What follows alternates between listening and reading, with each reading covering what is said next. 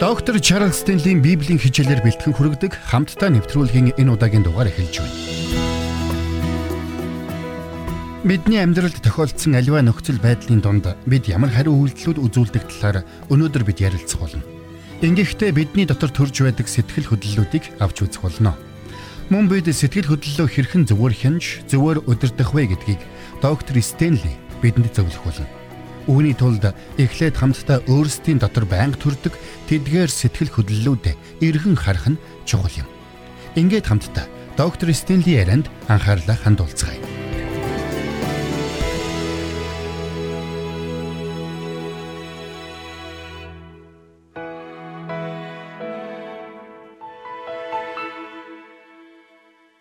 Нэгэн ухаантай хүн хэлэхдээ бодол санаагаа чиглүүл сэтгэл хөдлөлөө хянаа Тэгвэл чи хувь тавилангаа жолоодох болно гэсэн байдаг. Та бодоод үзтээ. Бодол санаагаа чиглүүл сэтгэл хөдлөлөө хяна.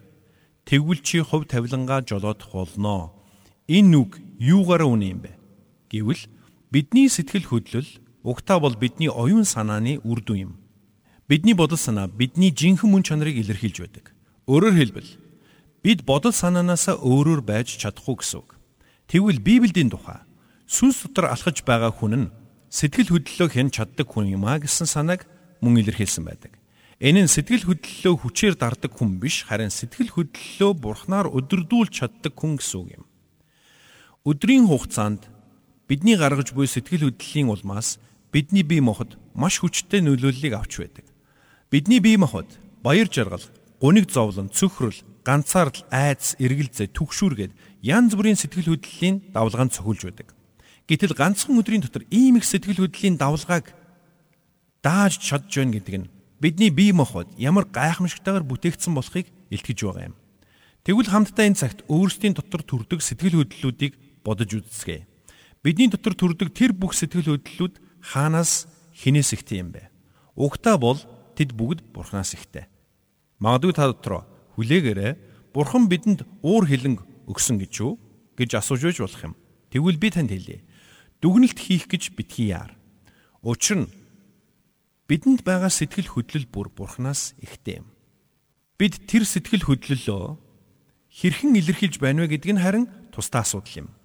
Тэгэхээр юуны түрүүнд бидний сэтгэл хөдлөл бурхнаас ихтэй гэдгийг ойлгох нь чухал юм. За ингээд хамтдаа энэ цагт хуучин гэрээ номны эхлэл номоос гаргацгаая.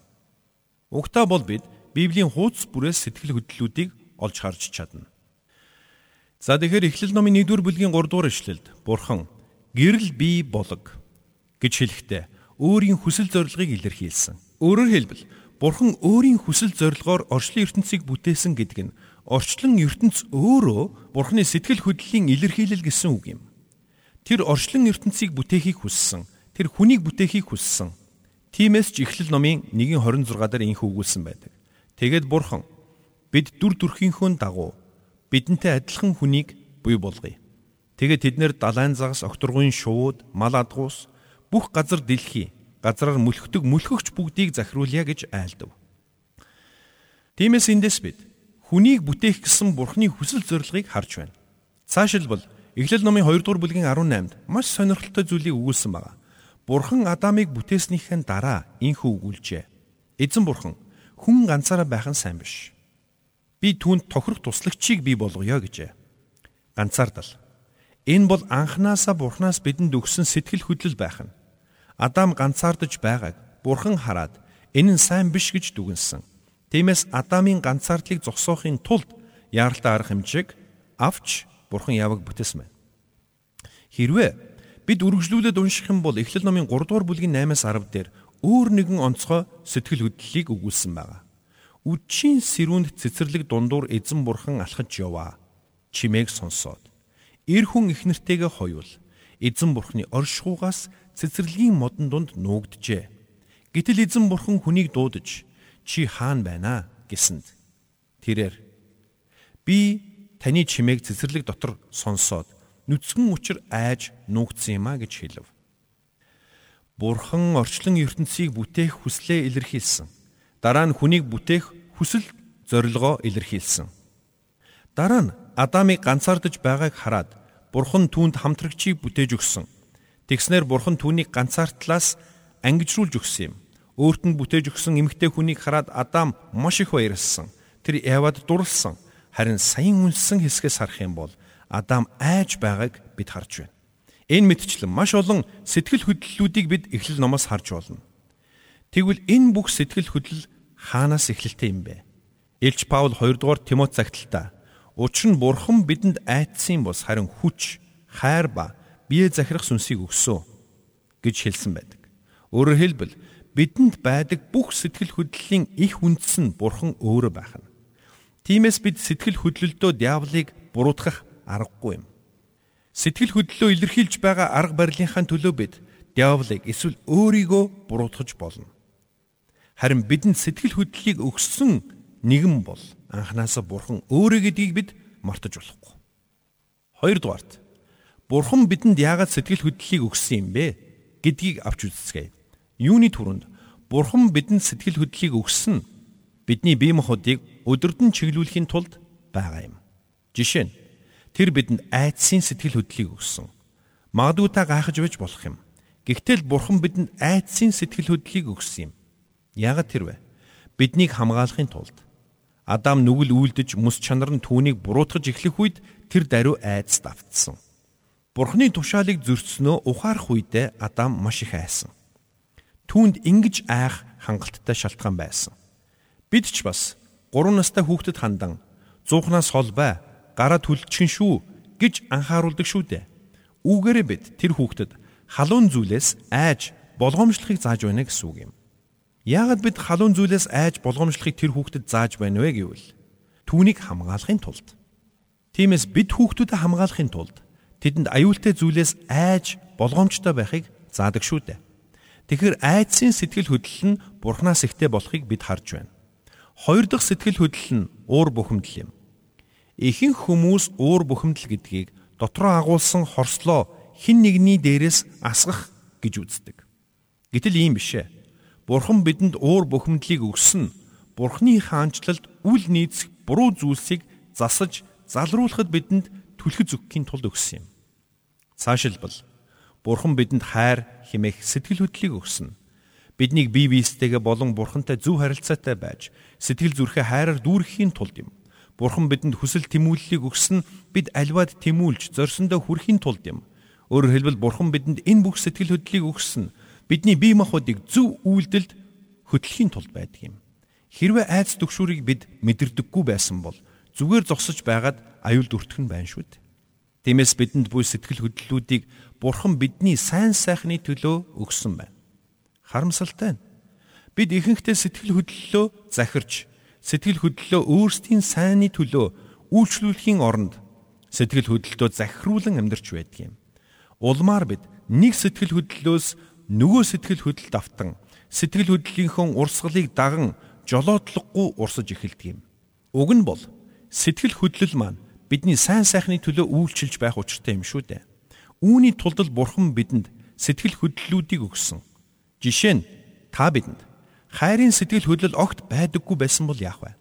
Бид амьдралдаа ямар зүйлийг алдах байсан бол? Тиймээс Бурхан бидэнд сэтгэл хөдлөлүүдийг өгөхдөө биднийг захируулахын тулд биш харин бидэнд үйлчлэхийн тулд өгсөн гэдгийг бид ойлгох хэрэгтэй байна. Христэд итгэгчид бид Бурханы хүслийн дагуу хүн байхын тулд сэтгэл хөдлөлүүдэд хянаж өдөрдөж сурах ёстой юм. Тэгж байж бид бурханд болон бусдад хамгийн сайнараа үйлчилж чадна. Тэгэхээр нэгдүгürt бид сэтгэл хөдлөлийг хэн бидэнд өгсөн бэ гэдгийг авч үзсэн. Хоёрдугаарт бурхан бидэнд сэтгэл хөдлөлийг ямар зорилгоор өгсөн юм бэ гэдгийг үзлээ. За тэгвэл гуравдугаарт хамтдаа сэтгэл хөдлөлтөй холбоотой буруу ойлголтуудыг авч үзье. Миний бодлоор хүмүүсийн дунд сэтгэл хөдлөлтөй холбоотой маш олон алдаатай ойлголтууд байдаг. Тэдгээрийн дотроос би дөрвөн зүйлийг онцгойлон авч үзхийг хүслээ. Нэгдүгээрт зарим хүмүүс би ямар ч сэтгэл хөдлөлгүй хүн гэж өөрийгөө дүгнэдэг. Энэ нь тухайн хүмүүс ямар ч сэтгэл хөдлөлгүй гэсэн үг биш. Харин сэтгэл хөдлөлөө чөлөөтэй илэрхийлж чаддгүй гэсэн утгатай юм. Найз минь, хэрвээ чамд ийм асуудал байдаг бол чи маш том асуудлыг чиглээд явж байна гэсэн үг юм. Учир нь сэтгэл хөдлөлөө зөвөр илэрхийлж чаддгүй байгаа хүн сэтгэл зүйн хувьд эрүүл байж чадахгүй. За тэгэхээр та намайг өвчтөе хүн гэж хэлээд байна уу гэж та бодож байна уу? Энэ дүгнэлтийг би өөртөө нь үлдээмээр байна. Тэгээд би танд Галат номын 5 дугаар бүлгийн 22-ыг уншиж өгье. Харин ариун сүнсний үр жимсэн хайр, баяр баясгалан, амар тайван, төвчээр, инрэл, сайхан сэтгэл, итгэмжтэй байдал, дүлгөөн зан өөрийгөө захирах нь юмаа гэсэн байна. Та өөртөө энэ бүх чанаруудыг агуулсан атлаа. Үүнийгээ илэрхийлэхгүй байна гэдэг нь яавч эрүүл алхам биш юм. Есүс Христ хүртэл сэтгэл хөдлөлөө байнга илэрхийлдэг байсан. Тиймээс би сэтгэлийн хөдөлгөөнгүй хүн гэж хэлж байгаа хүн амьдралын сайн сайхныг бүрэн дүүрэн амсаж чадахгүй байна гэсэн үг юм. Та Бурханаас хайрыг хүлээж авсан атлаа түүнийг бусдад илэрхийлэхгүй байгаа бол та Бурханы өмнө дуулуургүй амьдарч байна гэсэн үг. За тэгвэл сэтгэл хөдлөлтөй холбоотой хоёр дахь асуудал нь зарим хүмүүс сэтгэл хөдлөлөө илэрхийлэх нь сул дорой байдлын илэрхийлэл гэж боддог. Өмнө бид нар уншсан Илч Паул хэлэхдээ учир нь Бурхан бидэнд айдсан бус харин хүч, хайр ба бие захирах сүнсийг өгсөн юм а гэж. Энд бие захирах сүнсийг Бурхан бидэнд өгсөн гэдэг нь бид сэтгэл хөдлөлөө илэрхийлэхгүй байх ёстой гэсэн үг биш ээ. Жишээ нь зарим хүмүүс эрэгтэй хүн уйлах нь сул дорой байдлын илэрхийлэл гэж боддог. Хэрвээ та ингэж боддог бол Есүс олон хүмүүсийн өмнө үйлж байсныг дахин сануулмаар байна. За тэгвэл сэтгэл хөдлөлтөй холбоотой 3 дахь буруу ойлголт нь сэтгэл хөдлөл бидний дайсан гэсэн ойлголт юм. Гэхдээ Библиэд үүнийг батлах нэг ч үг байхгүй. Сэтгэл хөдлөлүүд нь бидний дайсан бишээ. Хэрвээ бид сэтгэл хөдлөлүүдээ удирдах чадвал энэ нь бидэнд маш их давуу талыг авч ирдэг бол эсвэргээр сэтгэл хөдлөлөө хянч чадахгүй тохиолдолд энэ нь маш том сул тал болж хөвөрдөг юм. За тэгвэл сүүлих сэтгэл хөдлөлтөй холбоотой дөрөв дэх буруу ойлголт бол сэтгэл хөдлөл болон сүнслэг байдал хоёрыг ялгаж салгаж ойлгох явдал юм. Зарим хүмүүс сэтгэл хөдлөл болон сүнслэг байдлыг хоёр тусдаа зүйл гэж боддог. Гэтэл Бурханаас ангид байдлаар бид сэтгэл хөдлөлөө бүрэн дүүрэн зөвөр илэрхийлэх боломжгүй юм. Жишээ нь бид бүгд эрт өрөө хизээ нэгэн цагт буруутгалыг мэдэрдэг. Бид буруутгалыг мэдрэх үндсэн шалтгаан нь бид буруутай учраас буруутгалыг мэдэрдэг юм. Гэхдээ зарим тохиолдолд бидний мэдэрч буй буруутгал нь ямар ч үндсэлгүй байдаг. Өөрөөр хэлбэл буруутгалыг мэдрэх ямар ч шаардлагагүй зүйл дээр буруутгалыг мэдэрч амьдрдаг гэсэн үг. Гэтэл бид Бурхныг таньж мэдээгүй, Бурхны үгийг мэдэхгүйгээсээ болоод ямар ч үндсэлгүй энэхүү буруутгалаас хэрхэн ангижрахаа мэддэггүй. Улмаар шаардлагагүй буруутгалыг тэн амьдрсаар байдаг юм. За тэгэхээр бид нар дөнгөж сая сэтгэл хөдлөлтөй холбоотой дөрвөн алдааны талаар авч үзлээ. Тэгвэл цааш нь үргэлжлүүлээд хамтаа сэтгэл хөдлөлөө хэрхэн хянах тухай авч үзье. Бурхан биднийг сэтгэл хөдлөлийнхөө боол болж биш харин сэтгэл хөдлөлөө өдөрдөн захирч амьдраасаа гэж хүсдэг. Тэгж байж бид өөртөө сэтгэл хангалуун байж Бурханд илүү үр нөлөөтэйгээр хэрэглэгдэж чадна. Мөн бусад хүмүүстэй ч илүү амархан ойлголцож чадна. Тэгвэл сэтгэл хөдлөлөө хянахын тулд хүмүүсийн хэрэгэлдэг нийтлэг дөрвөн аргыг би танд хэлж өгмөр байна. Эхний бүлэг хүмүүс нь сэтгэл хөдлөлөө хүчээр дарах гэж оролддог хүмүүс. Тэд сэтгэл хөдлөлөө хүчээр дарж өөрт нь ямар ч асуудал байхгүй хэмээн зүтгэдэг. Өөрөөр хэлбэл тэд өөрт нь асуудал байгааг хэрхэн зөвшөөрөхийг огт хүсдэггүй. Харин хоёр дахь бүлэг хүмүүс нь өөрт нь сэтгэл хөдлөлийн асуудал байгааг хүлээн зөвшөөрдөгч түүнийг ил гаргалгүй нуусаар байдаг. Улмаар тэд дотроо тэр асуудлаа тэн дотроо yoolсоор байдаг юм. Гэвч үнэн хэрэгтээ байд ийм байдлаар сэтгэл хөдлөлөө дотроо хүчээр хадгалаад удаан явж чадахгүй. Тиймээс Бурхны өмнө зүрх сэтгэлээ уудлан гаргах хэрэгтэй. Жишээ нь та зүрхэндээ хорсол занал тээж байгаа бол түүнийг бүнү. Бурхны өмнө хүлээн зөвшөөр харамсалтай нь хүмүүс дотроо байгаа сэтгэл хөдлөлөө хүчээр дарсаар эцэст нь түүнийг дарах аргагүй төрч сэтгэл хөдлөл нь түүний дотроос яг л галт дуул дэлбэрч буй мэт оргилж орхидог. Энэ бол сэтгэл хөдлөлөө хянах зөв арга зам бишээ. За тэгвэл 3 дахь бүлэг хүмүүсийн сэтгэлгээ бол сэтгэл хөдлөлөө зөнд нь хаячихвал аяндаа асуудал жигдрэх болно гэж боддог. Гэтэл тийм бишээ. Харин ч асуудал чинь улам бүр гүнзгийрэх болно. За тэгвэл дөрөв дэх бүлэг хүмүүс хин нэгэн хүнээр залбируулчих юм бол сэтгэл хөдлөлөө зөвөр хянаад сурчхна гэж боддог. Мэдээж залбирлаар дамжуулан бидний амьдралд эдгэрэл ирдэг. Энэ үнэн. Гэхдээ хүний зүрхэнд буй сэтгэл хөдлөлийн асуудал гэдэг ганцхан залбирлаар шийдэгчдэг юм бишээ. Таны дотор 10 жилийн турш хуралдсан хорслоос та ганцхан залбираад л ангижирчих нь гэж бодож байгаа бол эндүрч байна. Учир нь зүрх сэтгэлд буй сэтгэл хөдлөлтөй холбоотой асуудлыг шийдэхэд бидний зүгээс маш их төсвөр төвчээр хайр, хариуцлага, шийдэмгий байдал шаарддаг юм. Тэгвэл бид сэтгэл хөдлөлөө хэрхэн зөвөр хянах вэ? Сэтгэл хөдлөлөө хяналтандаа байлгах эхний алхам бол Есүс Христийн дотроос дахин төрөх явдал юм. Өөрөөр хэлбэл Есүс Христэд итгэж түүнийг амьдралдаа урьж оруулна гэсэн үг. Ийхүү бурхан таны амьдралд орж ингэснээр танд сэтгэл хөдлөлөө зөвөр хянах хүчийг өгнө гэсэн үг юм. Христэд итгэхээс өмнө бид сэтгэл хөдлөлтөөгөө өөрийнхөө хүчээр нүүр тулах ёстой болдог байсан. Улмаар зарим тохиолдолд бид сэтгэл хөдлөлөө барьж дийлэхгүй хүрдэг байсан. Харин Бурхныг амьдралдаа урьж оруулснаар та сэтгэл хөдлөлөө зөвөр хянах эхний алхмыг хийж байна гэсэн үг юм. Хоёр дахь алхам бол таны амьдралд ямар бодол санаа зовниж байгааг олж тогтоох явдал юм. Бид бүгд л бодол санаандаа ямар нэгэн зүйлийг тээж байдаг. Харин бидний сэтгэл хөдлөл бол тэрхүү бодол санааны үр дүн юм. Тиймээс би сэтгэл хөдлөлөө хянаж байхын тулд өөрийн дотор ямар сэтгэл хөдлөл төрж байгааг ялгаж салгаж чаддаг байх ёстой юм. Үүний тулд бид ямар бодол санаа бидний оюун бодолд ноёрхож байна вэ гэдгийг олж тогтоох ёстой. Тэгвэл та цаг ямагт ямар зүйлийн тухай бодож байна вэ? Ажлынхаа тухай бодож байна уу? Ирээдүйнхийн тухай бодож байна уу? Эсвэл ганцаардлын тухай бодож байна уу? Эсвэл өөр хэн нэгэн хүний тухай бодож байна уу? Та түр саатаад өөрийгөө ажигла. Таны оюун санааг ямар бодлууд эзэлж байна вэ? Та өөрийнхөө ихэнх цаг хугацааг юуны тухай бодож өнгөрүүлж байна вэ? Үүнийгээ олж тогтоосны дараа та өөрөөс асуугаарай.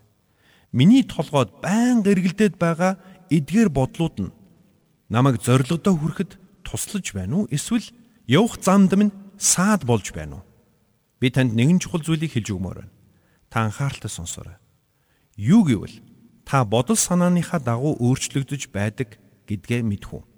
Хэрвээ та амин хувиа хичээсэн бодол санаанд автаж байгаа бол та тийм л хүн болон хуурч байна гэсэн үг. Хэрвээ бусдад өсөрхөж, хорсон бодол санаа нь ойрхож байгаа бол та мөн л тийм хүн болж хуурч байна гэсэн үг. Эсвэргээрээ та уучлал өршөөлийн тухай, эсвэл хайр инэрлийн тухай бодож байгаа бол та мөн л тийм хүн болж хуурч байна гэсэн үг. Зүүрлүүлбэл таны толгойд эргэлдэж буй бодлууд нь таны оюун санаандах самбар дээр таныг өөрийнхөөрөө хэлбэржүүлэн зурж байдаг гэсэн үг юм. Ийхүү та тэрл бодол санааныхаа дагуу хүн болон хуурч байдаг. Тиймээс та ямар нэгэн зүйлийг байнга бодож байгаа бол та тэрл зүйлийнхэн дагуу өөрчлөгцөөр байна гэсэн үг юм. Бид юу бодож байна? Тэр нь бидний жинхэнэ дүр төрх юм. Тийм учраас бид сэтгэл хөдлөлөө бурхнаар өдөрдүүлж сурах нь амин чухал юм. Үүний тулд бид бодол санаагаа хянж анхаарч байх учиртай юм. Таны оюун санааг ямар бодлууд эзэлж байна вэ? Та тэр бодлуудаа олж тодорхойлоод дараа нь өөрөөс асуугаарай. Хэрвээ би энэ бодлуудыг дотроо тээсэр байх юм бол энэ намайг хүрхийг хүссэн тэр газарт хүрэх үү? Эсвэл өөр тийш нь чиглүүлэх үү гэж. Энэ бодлууд нь намайг бурхны хүслийн дагуу хүн болгох уу? Эсвэл бурхны замаас өөр хэн нэгэн болгож өөрчлөх үү? Хэрвээ та ийхүү асууж бодол санаагаа цэгцлэхгүй юм бол та бодол санааныхаа аясаар жолоодлогогүй хөвж явна гэсэн үг юм. Гэтэл эдгээр бодлууд нь хаанаас ихтэй юм бэ? Эдгээр нь таны нөхцөл байдал болон тантай харилцсан хүмүүсийн харилцаанаас ихтэй байдаг юм. Тийм учраас Илч Паул Ром номын 12-ын 2 дээр энэ үеийн явдалтай бүү нийц гэсэн юм. Бид өөрсдийнхөө дотроос онцгойлоод бодол санаанаасаа эхлэн өөрчлөгдөх учиртай. Тиймээс бидний хийх ёстой эхний алхам нь Христэд итгэж дахин төрөх байсан бол амун хоёр дахь алхам нь бодол санаагаа нэгтлэх явдал байсан.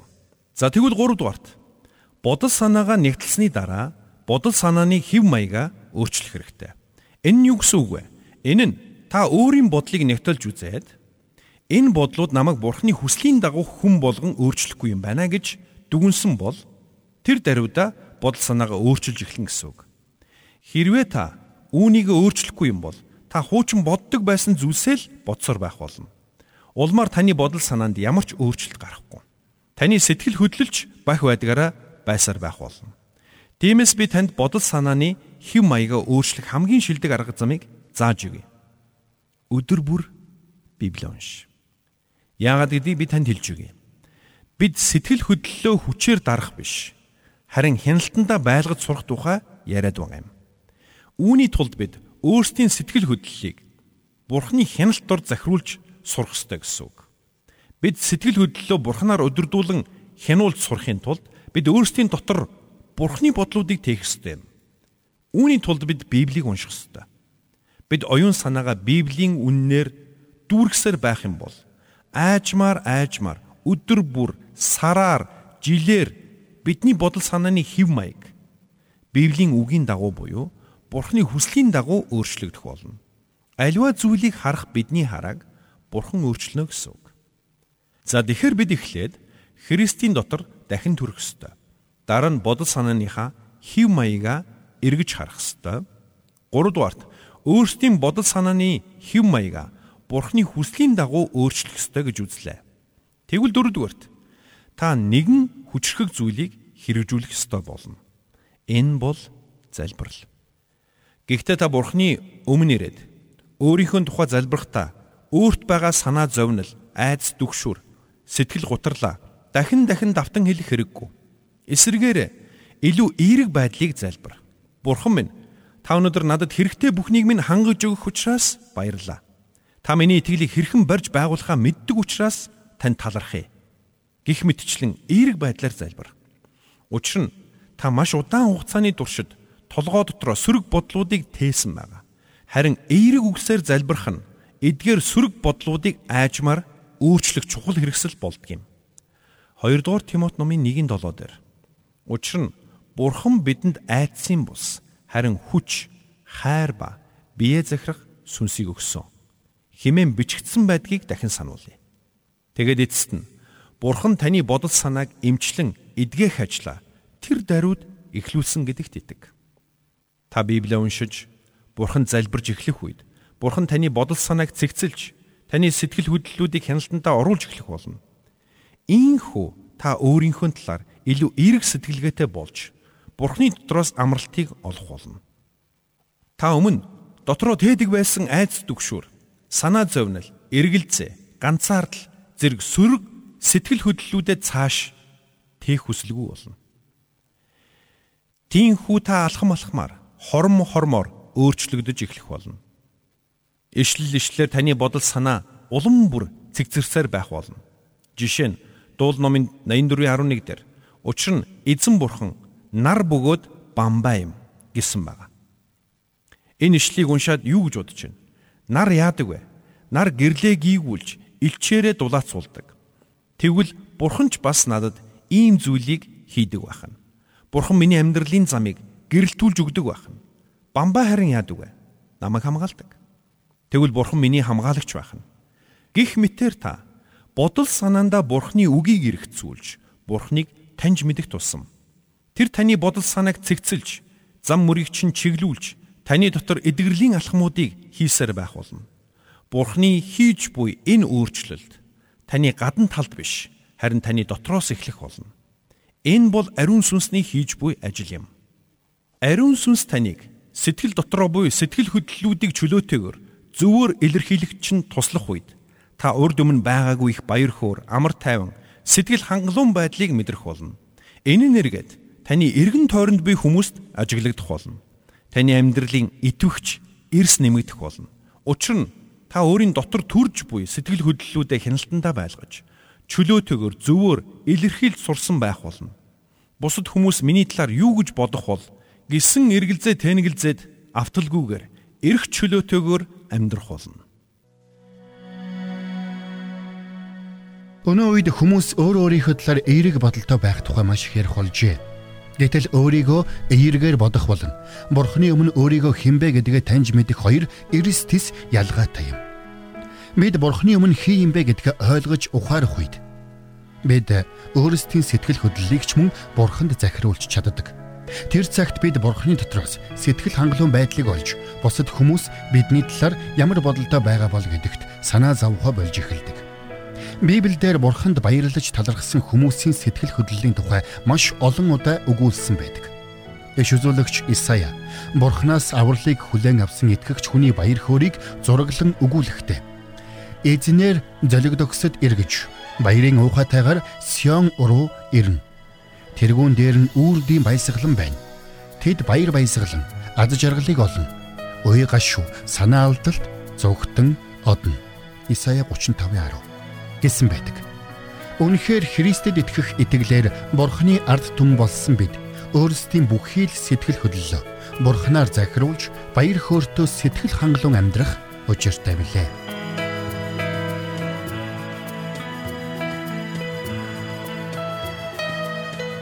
Бурханд тэмүүлсэн сэтгэл хүмүүсийг энэрх зөрхөөр амьдрахад туслах номлогч доктор Чарлз Стенлигийн хамттай нэвтрүүлэг сонсогч танд хүрлээ нэвтрүүлгийг дахин сонсохыг хүсвэл ихтгэл радиоцик.com-оор зочлоорой.